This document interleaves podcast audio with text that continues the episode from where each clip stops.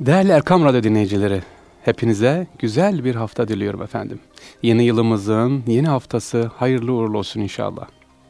İstanbul'un Sırları programında yine sizlerle birlikte beraberiz.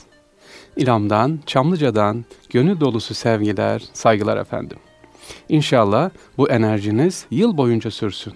Neşeli bir şekilde, huzurlu bir şekilde, Allah'ın dilediği, istediği şekilde güzel bir ömür geçirmemizi Rabbim bizlere lütfetsin, kolaylaştırsın. İstanbul'u inşallah 2016 yılında daha güzel, daha farklı gezmeye çalışalım. Daha farklı görelim. Efendim programımıza başlarken haktırıma geldi. Yıllar önce sanırım 15 yıl önceydi. Ümre ziyaretimizde meşhur Türkistanlı Mahmut amca deriz. Mahmut amca vardı. Kendisiyle hoş beş ederiz, tanışırdık. Bir gün kulağıma eğildi dedi ki, kuzum dedi, İstanbul Medine gibidir.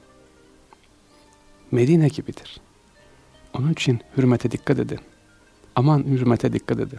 Evet, İstanbul Medine gibidir değerli dinleyicilerimiz. Yani nasıl orada hürmete dikkat ediyorsak, seslerimize dikkat ediyorsak, burada da aynı şekilde İstanbul'umuza bu hassasiyeti göstermemiz lazım. Hem misafirleriyle, maddi manevi misafirleriyle, hem bize güzel atalarımızın, ecdadımız bıraktığı eserleriyle onlara güzel misafirperverlik göstermemiz lazım. Allah lütfetmiş, İstanbul'da yaşıyoruz. Ne güzel. İstanbullu olmak. Hele hele ikinci bir şekilde Allah bizlere lütfederse İstanbul Efendisi olmak ne mutlu bizlere. Hepinizi bu dileklerle tekrar kucaklıyorum ve İstanbul'un Sırları programına başlıyoruz efendim. Yeni yılın ilk programı hepimize hayırlı olsun.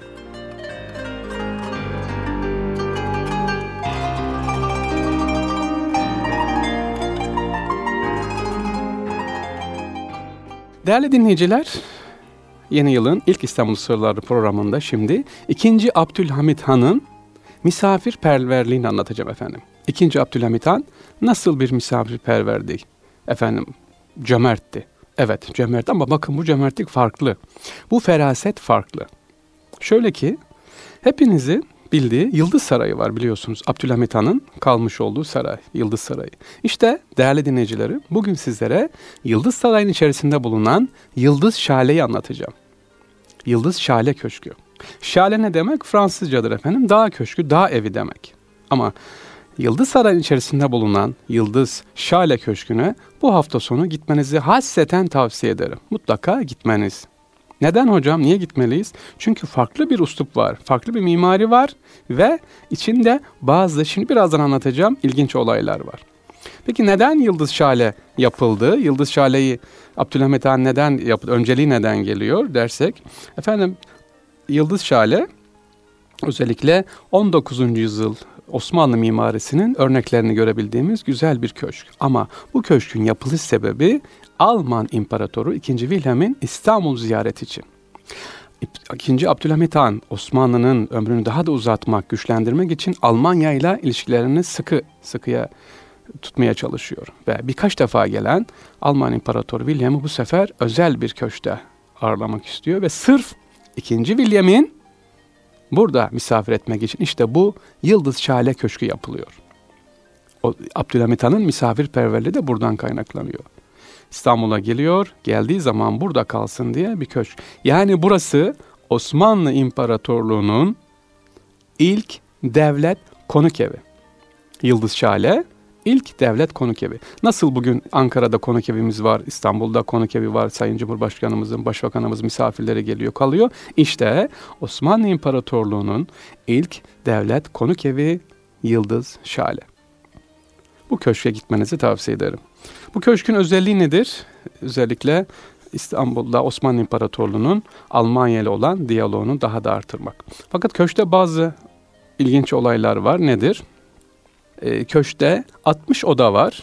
4 görkemli salonuyla e, farklı bir görünüm arz ediyor. Bir mini saray gibi köşkümüz. Özellikle gittiğiniz zaman göreceksiniz. Lütfen dikkatle bakın içerisindeki çini sobalara ki o dönem ilk defa kullanılan çini sobalar odalar içerisinde ve Osmanlı konut geleneğinin bir farklı üslubunu göreceksiniz. Biliyorsunuz normal saraylarımızda ve evlerimizde haremlik selamlık vardır. Mabeyn köşkü, mabeyn vardır. harem selamlık arasında. Ama Yıldız Şale Köşkü'nde bunu göremezsiniz. 60 oda yan yana ve farklı bir uslupla böyle koridor şeklinde. Yani tıpkı e, trende gidiyormuşsunuz gibi hissedeceksiniz. Binanın içerisine girdiğiniz zaman tren kompartımanı gibi göreceksiniz odaları ve odalan mimari tarzını. E, bu ilginç binamız özellikle Yıldız Şale'de duvarlardaki yaldızlar, altın varaklar ve eserler gerçekten görülmeye değer. Peki bu Yıldız Şale sonra ne oluyor derseniz değerli dinleyicilerimiz? Devlet konuk evi dedik. Cumhuriyet'in ilk yıllarında efendim Mario Serra adındaki bir İtalyan işletmeciye kumarhane olarak veriliyor. Düşünün devlet konuk evi Osmanlı İmparatorluğu'nun bize vermiş olduğu ilk devlet konuk evi bir emaneti daha sonra biz buyur işlet diye İtalyan bir işletmeciye veriyoruz ve kumarhane olarak. Daha sonra Atatürk'ün talimatı ve emriyle 1930 yılında anca Milli Sarayla Daire Başkanı'na bağlanıyor ve bugün müze olarak kullanılıyor Yıldız Şale. Efendim Yıldız Şale Köşkü'ne girdiğiniz zaman mutlaka büyük salonu görmenizi tavsiye ederim. Büyük salonda içeri girdiğiniz zaman gözünüzü yere bakın bir yerde halı göreceksiniz. 4 ton ağırlığında bir halı. Değerli dinleyin. Evet hocam 4 ton ağırlığında. Evet. Üstelik yekpare yani tek parça. Nerede dokunmuş? Harekete dokunmuş. Zaten Abdülmecit Han sırf e, sarayların halısını dokundurmak için harekete bir fabrika kurduruyor. İşte bu hareketteki fabrikada dokunan halımız var. 4 ton ağırlığındaki bu halı tek bir parça olarak içeri giriyor. Yekpare tek halı. Fakat içeri girmede büyük bir sorun yaşanıyor. Güzel halı dokundu da duvarlar bitti. E misafirin de gelmesi yakın. Yaklaşık gelmesine bir 15 gün kalmış. Eyvah o 4 ton ağırlığındaki halımız içeri girmiyor. Ne yapıyor ustalar, mimar? Tabi Osmanlı'da çözüm. Çözüm hemen var, pratik. Duvarı yıktırıyor. Hemen anında bir gecede yıktırılıyor. Halı içeriye yerleştiriliyor ve duvar tekrar örülüyor. Tekrar mimari düzen tekrar yapılıyor. 15 gün içerisinde sarayımı Yıldız Şale Köşkümüz misafirin gelmesine hazır oluyor. Evet, bugün giderseniz inşallah değerli dinleyicilerimiz Yıldız Şale Köşkü'ne içerideki o dört ton ağırlığındaki yekpare ve tamamen her tarafı yeri kaplayan, köşelerde kaplayan o güzel halıyı görürsünüz. Kendi e, emeğimiz, göz nurumuz halımız ilk defa döşenmiş güzel bir halı e, o halın içerisine girilmesi için de ne yapılmış? Duvar yıkılmış. Evet Yıldız Şale Köşkü'nün böyle güzel özellikleri var. Güzel bir hafta sonu geçireceğinizi umuyorum. Mutlaka Yıldız Şale'ye giderseniz orayı da inşallah görürsünüz. Duvarlar yıkıldı tabii ama şimdi bizlere ne yapıyor? E, bizleri bekliyor orada ki gelin e, tarihi o hikayelere sahip çıkın. İşte Abdülhamit Han böyleydi. Misafirine böyle hizmet ediyordu. Onun için bir köşk yaptırmıştı. İkinci William geldi ve büyük anlaşmalar tabii ki 33 e, yıllık bir saltanat e, dış politikada destek lazım. İşte bunun için de değişik adımlar atıyordu. İkinci Abdülhamit Han o da bunlardan birisi.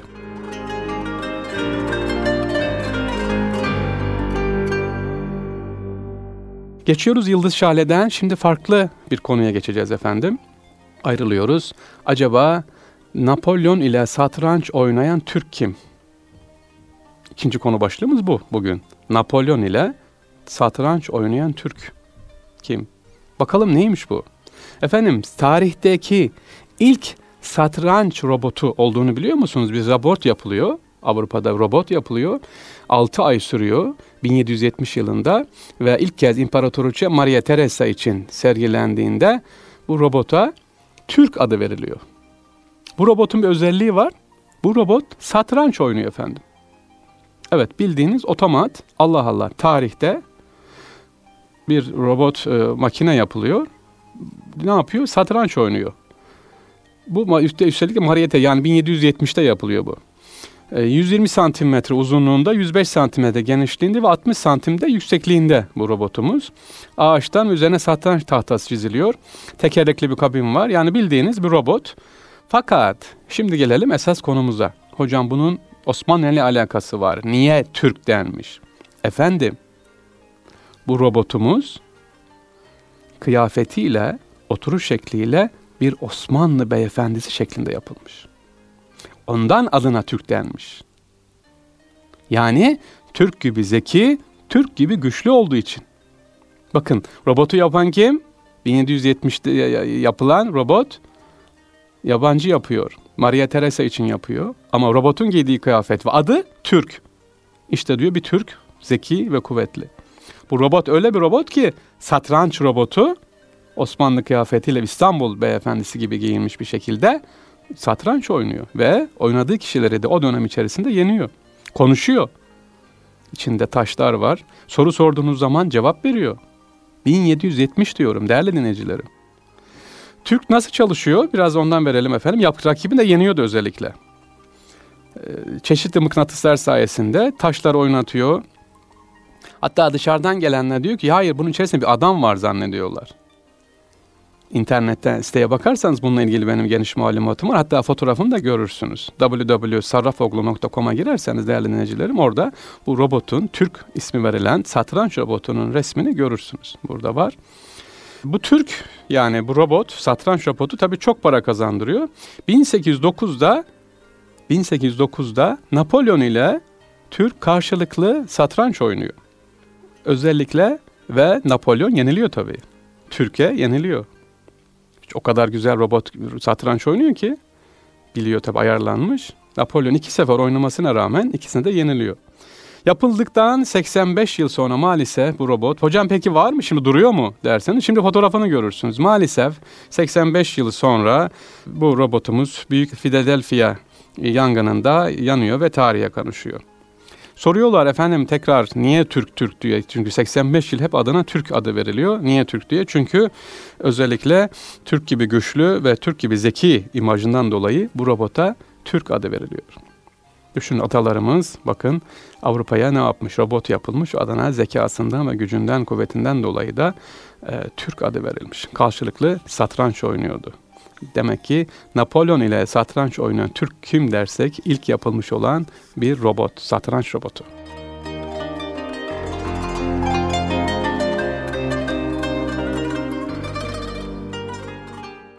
Peki geliyoruz Avrupa'dan döndük. Şimdi Türkiye'ye dönelim efendim. İstanbul'umuzdayız tekrar. Az önce Yıldız Şale demiştim. Şimdi de sizi Edirne Kapı tarafına götüreceğim.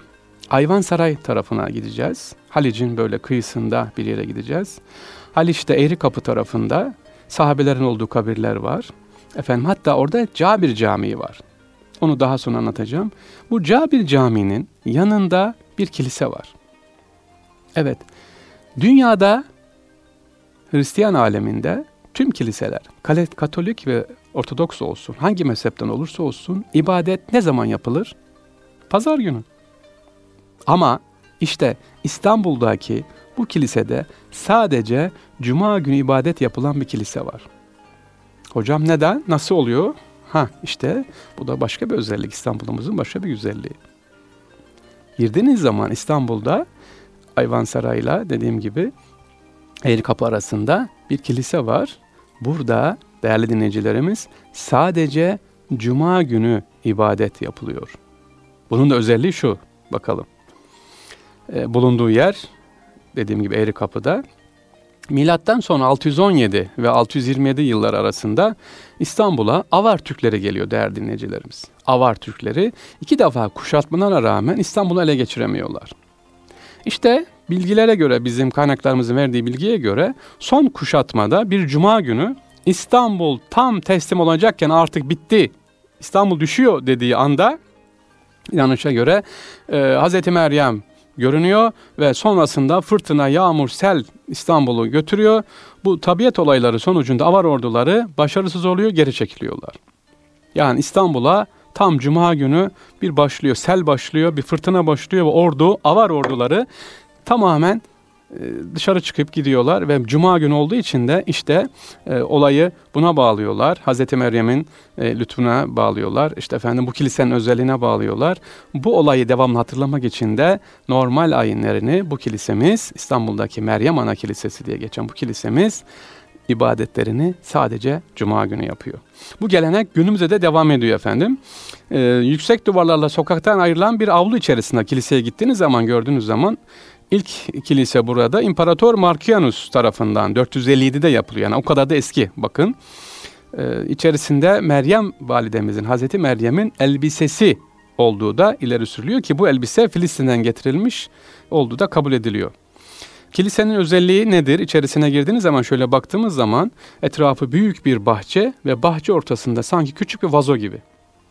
Düşün o kadar küçük bir vazo gibi duruyor içerisinde. İbadet sadece cuma günü yapılıyor. Burada gümüş çerçeve içerisinde İsa Aleyhisselam'ı e, kucağına taşıyan e, Hazreti Meryem'in ikonası İstanbul'daki Rum kiliseleri içerisindeki en eski ikona. Yani bu kiliseye girdiğiniz zaman böyle baktığınız zaman kıble tarafına e, gümüş çerçeve içerisinde İsa Aleyhisselam'ı kucağında alan Hazreti Meryem'in fotoğrafını gördüğünüz zaman, ikonasını gördüğünüz zaman bu en eski ikona kilisenin içerisinde. E, hala da bugün duruyor. E, fakat ayazma dediğimiz yani içerisinde kilisenin içerisinde su var. Evet bu suyun önünde de bir yazı var efendim. Peki bu yazın özeli ne diyoruz biz bu yazıya? Palindrom dediğimiz yani düzden ve tersten bakıldığında sağdan okunduğunda da aynı mana aynı şekilde okunuyor. Soldan okunduğunda da aynı şekilde okunuyor. Ne yazıyor hocam? Rumca yazıyor bu yazı. Türkçe şu sadece yüzünü değil kalbini günahlarında yıka diyor. Sadece yüzünü değil suydan sadece yüzünü değil kalbini ve günahlarını da yıka diyor efendim. Evet İstanbul'daki ilginç farklı bir kilise. Neymiş? Hazreti Meryem'in e, validemizin elbisesi olduğu iddia edilen bu kilise. Efendim e, İstanbul'u Avar Türklerinden e, özellikle sel büyük olduğu için İstanbul'un kuşatılmasında Avar Türklere çekildiği için o günden beri de Cuma günü ibadet yapılıyor, devam ediyor ve İstanbul'un en eski kiliselerinden bir tanesiymiş bu. Yolunuz düşerse Eri Kapı tarafına girip serbesttir görmenizi tavsiye ederim. Efendim bu kilisenin bir kapısı vardı. E, tamamen som altın dediğimiz altın kaplama bir kapı. Fakat 1204 yılında malum bunu daha evvelce de daha önce anlatmıştım. İstanbul'un 4. Haç Sefer işgali sırasında kapı tamamen sökülüp eritiliyor ve altın o güzel kapı işlemeli kapı e, eritilerek götürüyor. Yani kapının kendisini götürseler neyse ya elimizde yok. Eritiyorlar, altın olarak götürüyorlar. Böyle de yağma edilen bir kilise burası. Evet yolunuz düşerse dediğim gibi Cabir Camii'nin hemen yanındadır. Meryem Ana Kilisesi'ne de uğramanızı tavsiye ederim efendim.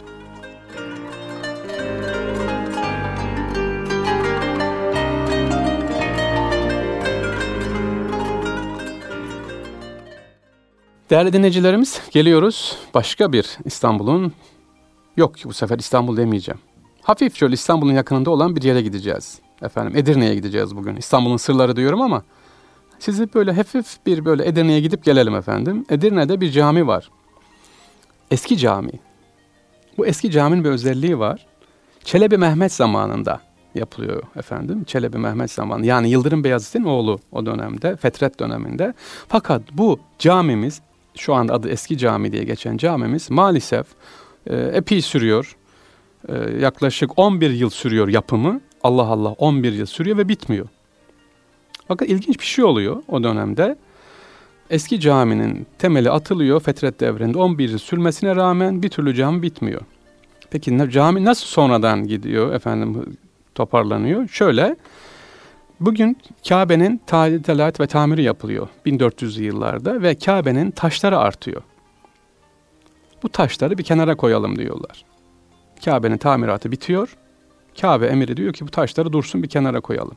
Ve Değerli dinleyicilerim, o gece rüyasında Resulullah Aleyhisselatü Vesselam Efendimiz'i görüyor Kabe emiri. Diyor ki, bir cami var, bu taşları o camiye gönderin. Hangi cami? İşte Edirne'deki cami. Kabe emiri, Kabe'nin artan taşlarını hazırlıyor, emaneti güzel bir şekilde ve Edirne'ye yolluyor. Bugün Edirne'ye gittiğiniz zaman eski camiye gidin efendim kenarda o Kabe'nin parçalarını, taşlarını görürsünüz. Camiye o güzel hediye geldikten sonra camimin yapımı 3 ayda bitiyor değerli dinleyiciler. Allah'ın lütfu ikramı. Bakın Kabe taşı geliyor, Kabe'nin o parçacıklar geliyor, taşları geliyor, camiye konuyor. Bugün bile gittiğiniz zaman Edirne'ye gidenler Selimiye'yi tabii ki görün, güzel bir eser ama hemen Edirne'deki bu eski camimizde ziyaret edin. Orada hani Hacer Esvet taşı var İstanbul'da. E Kabe'nin taşı nerede? Kabe'nin taşı da Edirne'deki eski camide görebilirsiniz efendim. Özellikle 2. Ahmet ve 2. Mustafa bu camide efendim e, kılıç kuşanıyorlar o dönemde. Bu caminin bir başka özelliği daha var değerli dinleyicilerimiz. Burada bir kürsü var içeri girdiğiniz zaman. Bu kürsüde bir vaaz kürsüsü ama bu vaaz kürsüsünde günümüzde vaaz verilmiyor. Niye hocam? Hürmeten verilmiyor. Çünkü bu vaaz kürsüsünde vaaz veren, ilk önce vaaz kullanan camiye çıkan Evliya Çelebi diyor ki Hacı Bayram Veli camiye girerek ilk vaaz verdiği için kimse ona hürmeten o kürsüde vaaz vermiyor, diğer kürsüde vaaz. Yani Hacı Bayram Veli'nin vaaz verdiği bu kürsüde halen Edirne'deki eski camide bulunmaktadır. Demek ki yolumuz düşerse Selimiye'den sonra eski camiye gideceğiz. Orada Kabe taşını göreceğiz. Hacı Bayram Veli'nin de radıyallahu anh'ın da Allah ondan razı olsun. Allah dostunun da efendim vaaz verdiği kürsüyü Edirne'deki eski camide göreceğiz. İkinci dediğim gibi Ahmet ve ikinci Mustafa da e, bu camide kılıç kuşanıyor efendim. İkinci Abdülhamit Han da bu cami için özel hediyeler var. Yani Osmanlı'nın hürmet ettiği bir camidir bu Edirne'deki eski cami. Evet değerli dinleyiciler, üç güzel konu üzerine durduk. Dedik ki Cuma günleri İstanbul'da ibadet yapan hangi kilise var ondan bahsettik. İkinci Abdülhamit Han'ın misafirperverliğinden bahsettik ve Edirne'deki eski camide Kabe taşı bulunduğundan Hacı Bayram Veli'nin burada vaaz ettiğinden bahsettik. Şimdi sıramızda ne var İstanbul'un sırlarında? Osmanlı İmparatorluğu'nda acaba ilk madalya ne zaman verilmiş? Madalya ya da madalyon diyoruz ya hani madalyonun bir ön yüzü, arka yüzü dediğimiz işte madalya ne demekmiş? Efendim nişan. Kelime olarak İtalyanca medya e, sözünden geliyor. Genellikle unutulmaması gerekli görünen bir başarının hatırası olarak hazırlanıyor altın veya gümüş olarak. Ve bizde ilk defa Osmanlı İmparatorluğu döneminde ilk madalya 1. Mahmut döneminde başlıyor. Birine iltifat ettiğimiz zaman bir ödül, bir hediye vereceğimiz zaman o güne kadar madalya yokmuş. Ne veriyoruz? İlk defa 1. Mahmut emriyle artık Osmanlı İmparatorluğu'nda madalyalar verilmeye başlanıyor. İlk madalyamız adı Ferahi. Evet, Ferahi ilk madalyamız. 1730'da 1. Mahmut devrinde Ferahi adı verilen altın madalya çıkarılmasından sonra artık ondan sonra maalesef bir enflasyon başlıyor. Nedir? Madalya enflasyonu. O kadar ki arka arkaya madalyanlar artık vermeye başlıyor. Çünkü madalya e, o zamanlarda önemliydi ve özeldi. Herkese verilmezdi. Ondan sonra artık çünkü batıda böyle fazlalaşmaya başlayınca Avrupa'da herkes madalya vermeye başlayınca da Osmanlı İmparatorluğu'nda madalya basılmaya, madalya dağıtılmaya başlanıyor. Artık bir nevi ayrıcalık olarak e, görülmüyor artık madalya. İlk madalyamız Ferahi'den sonra Sikke-i Cedid madalyası basılıyor, veriliyor, dağılmaya baş. Sonra Vakai Mısriye madalyası var. Meşhur madalyalardan bunlar. Efendim Hilali Osmani madalyası ve İşkadra madalyası yani Cami Nusretiye dediğimiz bugün Karaköy'deki Nusretiye Camii var. İnşallah onu da daha sonra anlatırız. Onunla ilgili bir madalya basılıyor ve Hadimül Haremeyn Şerifeyn madalyası da en önemli, değerli e, madalyalardan bir tanesi efendim. Bunlar farklı isimlerle, farklı tarihlerde de birçok madalyalar var ama en önemlisi bu az önce saydığım e, 4-5 madalya. Bunlar kimlere veriliyor Osmanlı döneminde madalyalar? Üstün hizmet gösteren vatandaşlara ve devlete yararı dokunan yabancılara çoğunlukla veriliyor. Yardım toplam amacıyla bastırılan madalyalar var. Dağıtılarak bunlardan e, teberrü toplanıyor. Yine e, özellikle önemli bir olayın unutulmaması için de madalya basıyor ki bu az önce söylediğim Vakaya Mısriye ya da Sikke-i Cedid gibi ya da Hadimül Haremeyn Şerifeyn madalyası bunlardan bir tanesi. Evet Demek ki Osmanlı'da madalya ilk defa 1. Mahmut döneminde bastırılmış ve ondan sonra da devam etmiş madalyalar. Bu madalyaları hocam nerede görebiliriz? Topkapı Sarayı'nda görebilirsiniz. Yine Deniz Müzesi'nde bu madalyaları görebilirsiniz. Değişik müzelerde de var. Osmanlı madalyalarını görürsünüz. Çok değerlidir. Üzerlerine baktığınız zaman ne var arkasında? E, arma vardır ve çoğunlukla arkasında o dönemin padişahının tuğrası vardır madalyalar.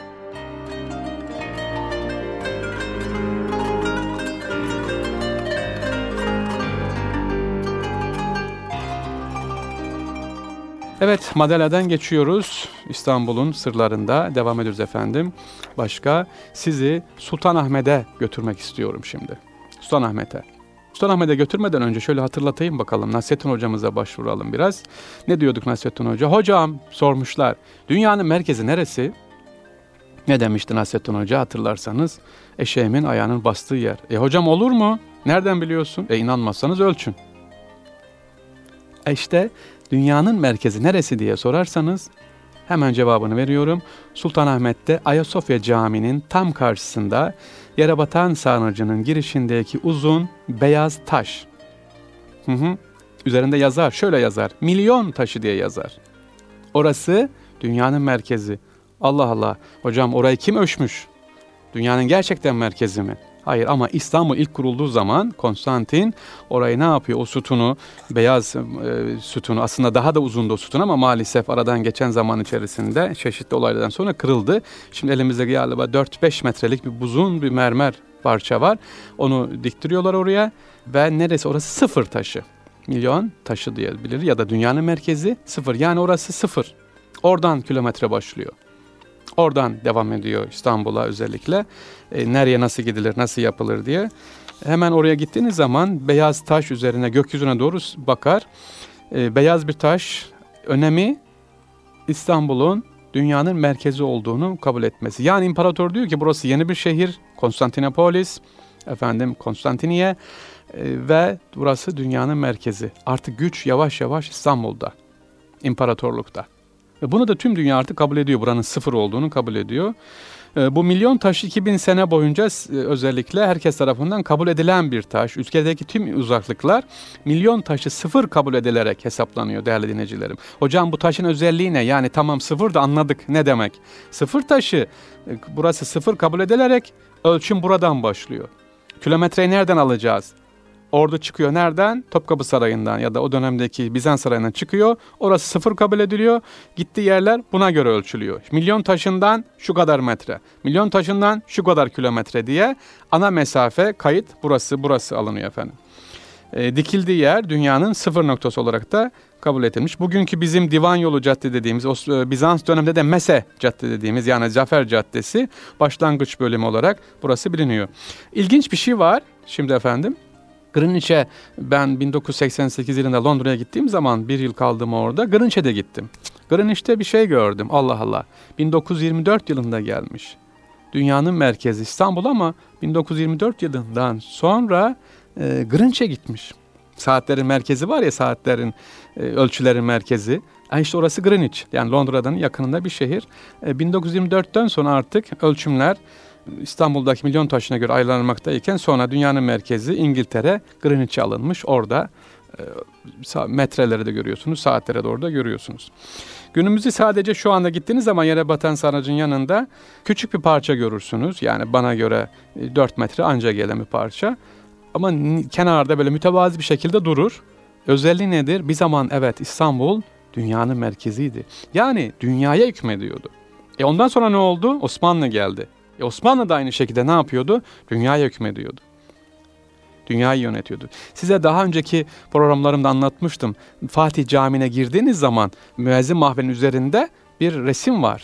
Güzel bir ressam var. Ne yapmıştı? Dünya haritası vardı değil mi? Küre, Mekke, Medine, Topkapı Sarayı vardı. Yani dünyaya hükmetmedi. Dünyanın gidişatından kim sorumlu? Müslüman sorumlu diyordu o manada. İşte bir zamanlar Roma döneminde İstanbul, Osmanlı döneminde İstanbul dünyanın gidişatına yön veriyordu. İnşallah Allah lütfeder tekrar efendim. Geçiyoruz milyon taşın hemen yanında bir küçük e, heykel göreceksiniz. Küçük e, efendim e, hanım heykeli göreceksiniz vardır. O da Halid Edip efendim. Halid Edip adı var hanımefendinin orada küçük bir büstü var. Özelliği nedir hemen milyon taşın yanında? İşte burası ilk defa İstanbul işgal edilince İzmir, İstanbul artık işgal edilmeye başlandı Kurtuluş Savaşı'ndan önce. İlk defa İstanbul'da mitingler burada düzenleniyor. Halid Edip hanımefendi burada ne yapıyor? İstanbul işgaline karşı çıkıyor. Halkı, İstanbul halkını bilinçlendiriyor, konuşmaya başlıyor. İlk şuurlanma burada başlıyor. Bu anın, anısına da hemen orada bir boştur, havuz vardır. Havuzun yanında hanımefendinin, Halit Edip hanımefendinin büstünü görürsünüz. Türk bayrağıyla çıkıyor bir hanımefendi, çarşafıyla çıkıyor ve bu işgale ses veriyor. Diyor ki hayır, Türk esir edilemez, kabul edilemez diye Halid Edip hanımefendinin ilk başlattığı yer. Ondan sonra da zaten Kurtuluş Savaşımız, milli mücadele hızlı adımlarla başlıyor ve çok şükür Allah'a çok şükür ki e, kısa sürede bitiyor. Nasıl yani iki buçuk yıl biliyor musun İstanbul'un işgal altında olduğunu İngilizler tarafından özellikle İtalyanlar, İngilizler ve Fransızlar hatta efendim Halit Edip'in başlatma eğer o İstanbul'un Kurtuluş Savaşı olmasaydı, milli mücadele olmasaydı Allah muhafaza İstanbul parça parça Fatih bölgesi İtalyanların işte efendim Eminönü bölgesi İtalyan e, İngilizlerin Beyoğlu bölgesi Fransızların böyle parça parça İstanbul elimizden gidiyordu. Allah e, bir daha o günlere göstermesin efendim. Demek ki İstanbul'un merkezi neresi dediğimiz zaman İstanbul'un merkezi Şehzadebaşı'nın köşesindeki granit mermer. Dünyanın merkezi neresi? O da İstanbul'da. Ayasofya'nın karşısında yere batan sarnıcın girişinde de dünyanın merkezi milyon taşını görebilirsiniz.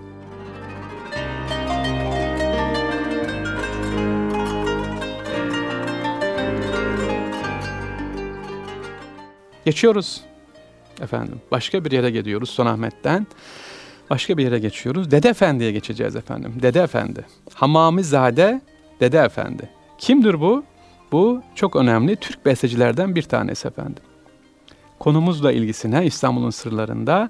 Bugün İstanbul'un sırlarını özellikle indiğiniz zaman efendim Sultanahmet Camii'nin arkasına indiğiniz zaman orada Kadırga'nın hemen yanında girişte giderken Sultanahmet Camii'nin arkasında bir ev var. Çok güzel bir evimiz var orada. İstanbul Türkiye Tarihi Koruma Evleri tarafından restore edilmiş.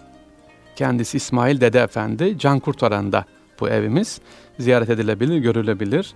Mutlaka gitmenizi tavsiye ederim. Yani bir hafta sonu gidin. Üç katlı bir bina. Ee, Dede Efendi'nin eşyaları, efendim Osmanlı evlerini böyle güzel döşenmiş görebilirsiniz. Ee, bu ünlü bestekarımız kimdir peki? İstanbul'a doğuyor bu bestekarımız. 1846'da babası e, hamam işlettiği için, hamamda işletmeciyle uğraştığı için Hamamizade, Hammamizade İsmail Efendi diye söyleniyor.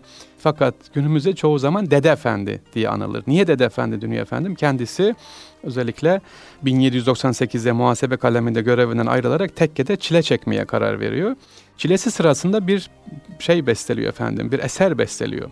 Eser şu, Zülfündedir benim bahdi siyahım, Zülfündedir benim bahti siyahım dizesiyle başlayan bu selik şarkı İstanbul'un müzikle ilgili çevrelerinde çok büyük merak uyandırıyor. O kadar ki 3. Selim'in kulağına kadar gidiyor.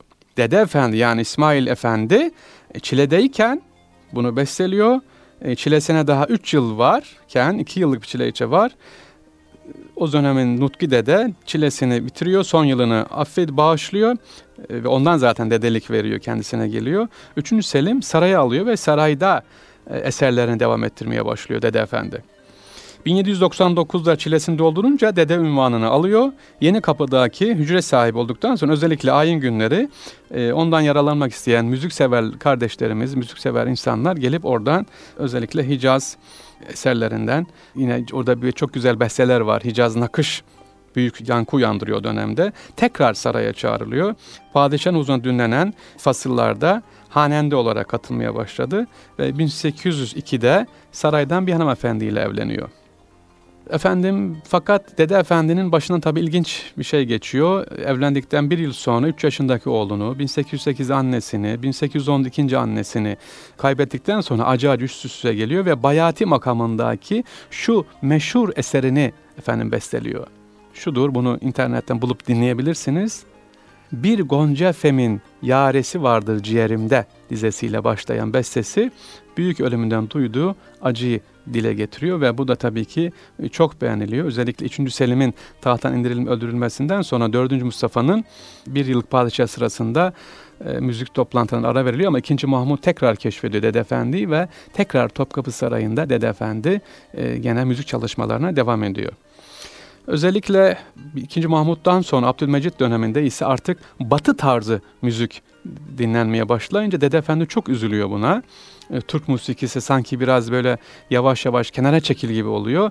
Efendim Dede Efendi Hicaz'a gidiyor. Haç e, farizesini yerine getirmek üzere ve orada rahatsızlanarak 1846 yıllarında Mina'da ölüyor efendim. Şu anda mezarı da Mina'dadır yani oradadır, Mekke'dedir kendisi. E, Birçok ölmez eserler bırakmıştı Dede Efendi. Bu bizim dediğimiz meşhur efendim besteci, Türk müziksine büyük hizmet vermiş olan Dede Efendi'nin evi bugün ziyaret edebilirsiniz. Dediğim gibi Can Kurtaran'dadır. Ahmet Camii'nin hemen arkasında gidip ziyaret edebilirsiniz. Çok güzel eserleri var. Ayinleri var. Sabah, Neva, Besenigar, Sabah, Buselik, Hüzzam, İsfahan ve ferah feza makamlarında özellikle e, eserler vermiş e, Dede Efendi. E, bunun çok sevim dediğim gibi eserleri de var. İnternetten dinleyebiliriz, yapabiliriz. Ama benim size tavsiyem lütfen değerli dinleyicilerimiz bu bize e, güzel çalışmalar yapmış, bilgiler vermiş, ölmez eserler bırakmış. Türk bestekarının evini ve eserlerini e, bize bıraktığı mirasını görün efendim. Dede Efendi'nin evini görmek istiyorsanız Can Kurtaran'da Sultanahmet Camii'nin arkasında gidip ziyaret edebilirsiniz.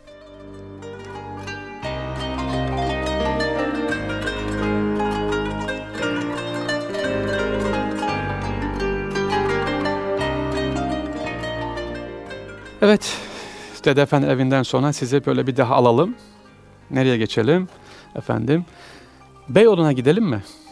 Beyoğlu'na gidelim. Beyoğlu'nda bir cami var. A Camii. A Cami'nin çok farklı özellikleri var efendim. Ama ben o özelliklerine e, girmeden önce bir şiir okumak istiyorum. Bakayım bu şiiri kim yazmış? Ve neden bu şiiri yazmış acaba? Şiir şöyle başlıyor efendim. Bu cami için yazılmış. Biraz sonra okuyacağım şiir A Cami için yazılmış. Başlık şöyle. A Cami. Hafsalam almıyordu bu hazin hali önce. Ah ey zavallı cami seni böyle görünce. Dertli bir çocuk gibi imanıma bağlandım. Allah'ım ismini daha çok candan andım. Ne kadar yabancısın böyle sokaklarda sen. Böyle sokaklarda ki anası can verirken ışıklı kahvelerde kendi öz evladı var. Böyle sokaklardaki çamurlu kaldırımlar. Bir teselli bulurdun ruhumu görebilirsen. Ey bu caminin ruhu, bize mucize göster. Mukaddes huzurunda el bağlamayan bu yer. Bir gün harap olmazsa Türk'ün kılıç kınıyla, baştan başa tutuşsun göklerin yangınıyla. Evet, bu şiir bu cami için yazılmış. Kim yazmış derseniz, Nazım Hikmet Ran. Evet, Nazım Hikmet Ran bu cami için bu şiiri yazıyor. Niye yazmış hocam? Çünkü camiye bakıyor ki, aa camide İngiliz askerleri ayaklarıyla girmiş ve caminin e, kubbe tarafına, ön, caddeye bakan tarafına da İngiliz bayrağı asmışlar. İngiliz bayrağı asınca çok gururuna dokunuyor tabii. Üzülüyor Nazım Hikmet. Bu şiiri yazıyor. Evet A Cami'nin böyle bir özelliği var.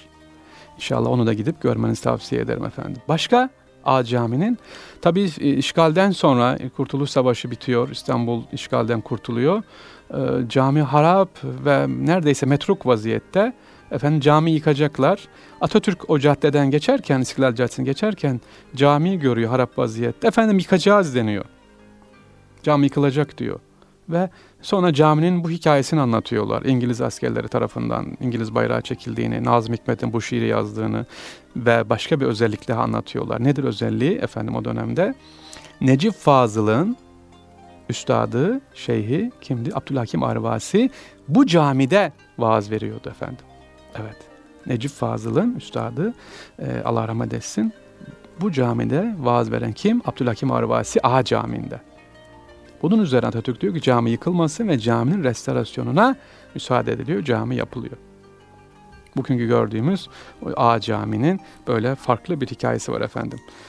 1920'de özellikle A Cami yazan Nazım Hikmet, ondan sonra bu camide Abdülhakim Arvasi son dönemlerinde Allah dostlarından camide efendim vaaz veriyor. Peki hocam bu cami kim yaptırmış Acem hikayesine bahsedersek efendim bir cami yaptırılma çok eskidir. E, fetihten sonra yani 1596 yılında cami yaptırılıyor. Galatasaray ağası Şeyhülharem Hüseyin Ağa tarafından yaptırılıyor. Avlu içindeki bu küçük cami e, zamanda yıprandığı zaman 2. Mahmut tarafından tekrar tamir ediliyor. 1938 dediğimiz gibi o dönemde Atatürk'ün de emriyle cami Efkaf tarafından yapılıyor. Çinileri değiştiriliyor. Caminin içindeki bugünkü gördüğünüz çiniler Kütahya'dan getirilmiştir. Camideki yazılar İsmail Hakkı Altın Bezer tarafından yazılıyor. Ve caminin de içindeki halılar özel Isparta halılarıdır efendim içeride. Caminin içerisine girdiğiniz zaman mutlaka görmenizi tavsiye ederim. Aa camiyi gördük hikayesini biliyoruz. Demek ki Abdülhakim Harvasi burada sohbet etmiş. Ee, Nazım Hikmet bununla ilgili özel şiir yazmış. Başka bir özelliği daha var. Nedir? A Cami'de sanat değeri çok yüksek olan bir havuz ve fıskiye ile birlikte şadırvan var efendim. Bunu da görmenizi isterim. Özelliği ne bu şadırvanın, Mermer Havuz'un? Eyüp'teki bu şadırvan ve Havuz özellikle Otluk Bayırı tekkesinden buraya getiriliyor. Bu caminin şadırvanı, gördüğünüz şadırvan Mimar Sinan'ın eseri olup Kasımpaşa'da harap bir haldeyken Sinan Paşa Camii'nden buraya getiriliyor. Yani iki güzel eseri de bu cami içerisinde görebilirsiniz efendim.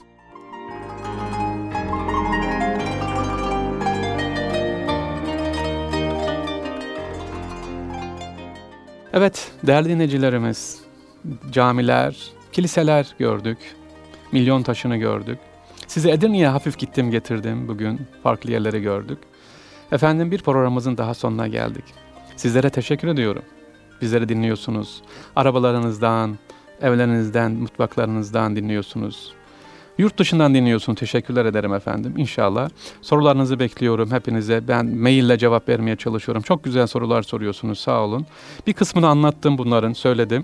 Fakat tekrar söyleyeyim. Bir tane soru var. Son bölümüne bırakmıştım. Onu anlatayım efendim. Programımızı bitirelim. Ee, bana sorulan şu. Hocam iki dirhem bir çekirdek nedir? diye soru var. İlginçtir bu hikaye anlatalım. Hani dedik ya 2. Abdülhamit Han çok neydi? Çok misafirperverdi. Peki iki dirhem bir çekirdek nedir? Değerli dinleyicilerimiz, iki dirhem bir çekirdek kişiye verilen önemi gösterir. Ona verilen izzeti gösterir. Yani e, iki dirhem bir çekirdek, dört tane keçi boynuzunun çekirdeği bir dirhem eder. Neden hocam keçi boynuzu? Çünkü keçi boynuzu suya koysan şişmez. Onun ağırlığı aynıdır, sabittir, değişmez. Kuyumcular bunu kullanıyorlar. Dört keçi boynuzu bir dirhem. Sekiz keçi boynuzu iki dirhem.